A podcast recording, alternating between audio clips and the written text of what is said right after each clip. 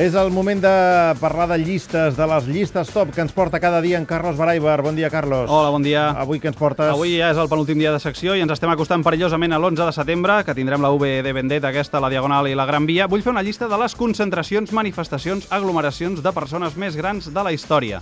Clar, encara no hem trobat realment la manera de comptar persones aglomerades i aquells de contrastant que ho feien ho van deixar perquè era una feinada i tampoc els hi compensava. Ara hi ha els de Societat Civil Catalana que ho fan un per un, però només a les manis que els interessen. Segurament és un mètode fiable, això sí, a veure si ens poden ajudar a contrastar la llista. Com que les dades són poc fiables, en general, la font sí que ho és, és la BBC. Això de la B baixa de Vendetta... La B baixa de Vendetta. Sí, de votar, home, de... de, Ah. de, de d'altres Història, coses. de moltes coses. En fi, vinga, aquestes manifestacions eh, multitudinàries, segons la BBC, que ens porta avui en Carlos. Número 5. Al número 5 hi hauria el 1.250.000 persones que van anar a la missa del papa Joan Pau II que es va fer a Phoenix, Arizona, als Estats Units. Aquesta dada realment és bastant polèmica perquè moltes manifestacions reclamen aquesta xifra o una de més alta, més d'un milió 250.000 persones.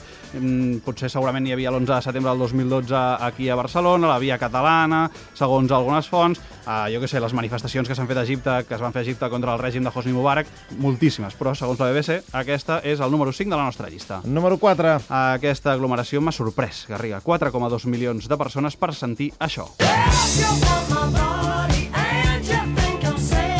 Qui és aquest? Que tu ets un gran músic, Home, això és dels anys 80, et diré que Rod Stewart. Rod Stewart, a Brasil, al cap d'any del 1994, a la platja de Copacabana, és, segons el Guinness, el concert que més gent ha plegat de la història. 4,2 milions de persones escoltant aquest home. Eh, escol- a veure, però aquesta gent va anar, a, es va plegar allà per veure Rod Stewart o per celebrar el cap d'any? Perquè per cap d'any m'ho- crec, però no Estaven allà i va tocar Rod I de Stewart. sobte va aparèixer Rod Stewart. Stewart i el tio ho comptabilitza i vindrà el Guinness. Número 3. De 5 a 7 milions de persones van assistir al funeral de l'Ayatollah Khomeini a l'Iran. Això és el 1989. Allò va acabar fatal, Garriga. El primer funeral, perquè n'hi van haver de fer dos, al mig d'aquesta gentada, l'home, l'Ayatollah, va acabar amb les multituds tirant-se sobre el seguici funerari, intentant obrir el fèretre de fusta i intentant arrencar parts del cos de l'Ayatollah per quedar-s'ho com a relíquies. Imagina't com va acabar aquesta història. Van haver de fer un segon funeral, això sí, amb més seguretat, amb un taüt d'acer, tot una miqueta més tranquil. I amb una combinació. Número 2. El festival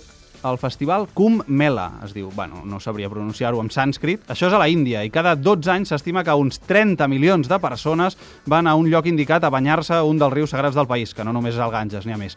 La ciutat on passa això va canviant, n'hi ha quatre i van rotant. Són els quatre llocs on va caure el nèctar dels déus quan es va crear el món. També suposem que els llocs necessiten refer-se després d'acollir 30 milions de peregrins i per això va rotant.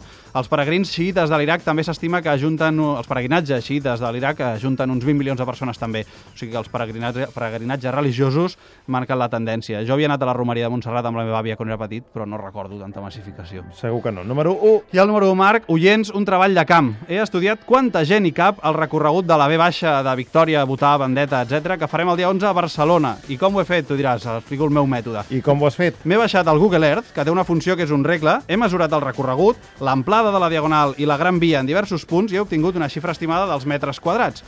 Si voleu, eh, penjat els comptes en una foto a, a internet, ja, ja ho penjarem a, ja perquè ho podeu veure, i també ho podeu penjar al Facebook. He comptat que hi haurà 4 persones per metre quadrat. Això és el que es considera com el màxim de persones que hi caben al metre quadrat. I he comptat també que estarà tota rebentada gent. Cadascun dels metres quadrats de tots aquests metres quadrats que he comptat. Si cada metre quadrat del recorregut entre Pius XII i Glòries i Glòries i Ildefons Cerdà està ple amb 4 persones, hi caben 2.284.800 persones. Això sí, està patat i sense comptar que les places tot s'eixampla i per tant hi cabria més gent. Però vaja, així que ens en fem una idea almenys, ens ajudarien molt imatges d'helicòpter per comptar quan serem. Els Mossos tenen un helicòpter, que ens facin quatre fotos i ja ens ho comptem nosaltres, si de cas. O sigui que ja ho sabeu, 2.284.800 persones són les que hi caben en aquesta B baixa com a màxim. Si es diuen que són més, és mentida. Però si es diuen que són 100.000, segur que també serà mentida. El dia 11 truquem per veure com ha anat això, Carlos. vulgueu. Adéu-siau. Fins demà.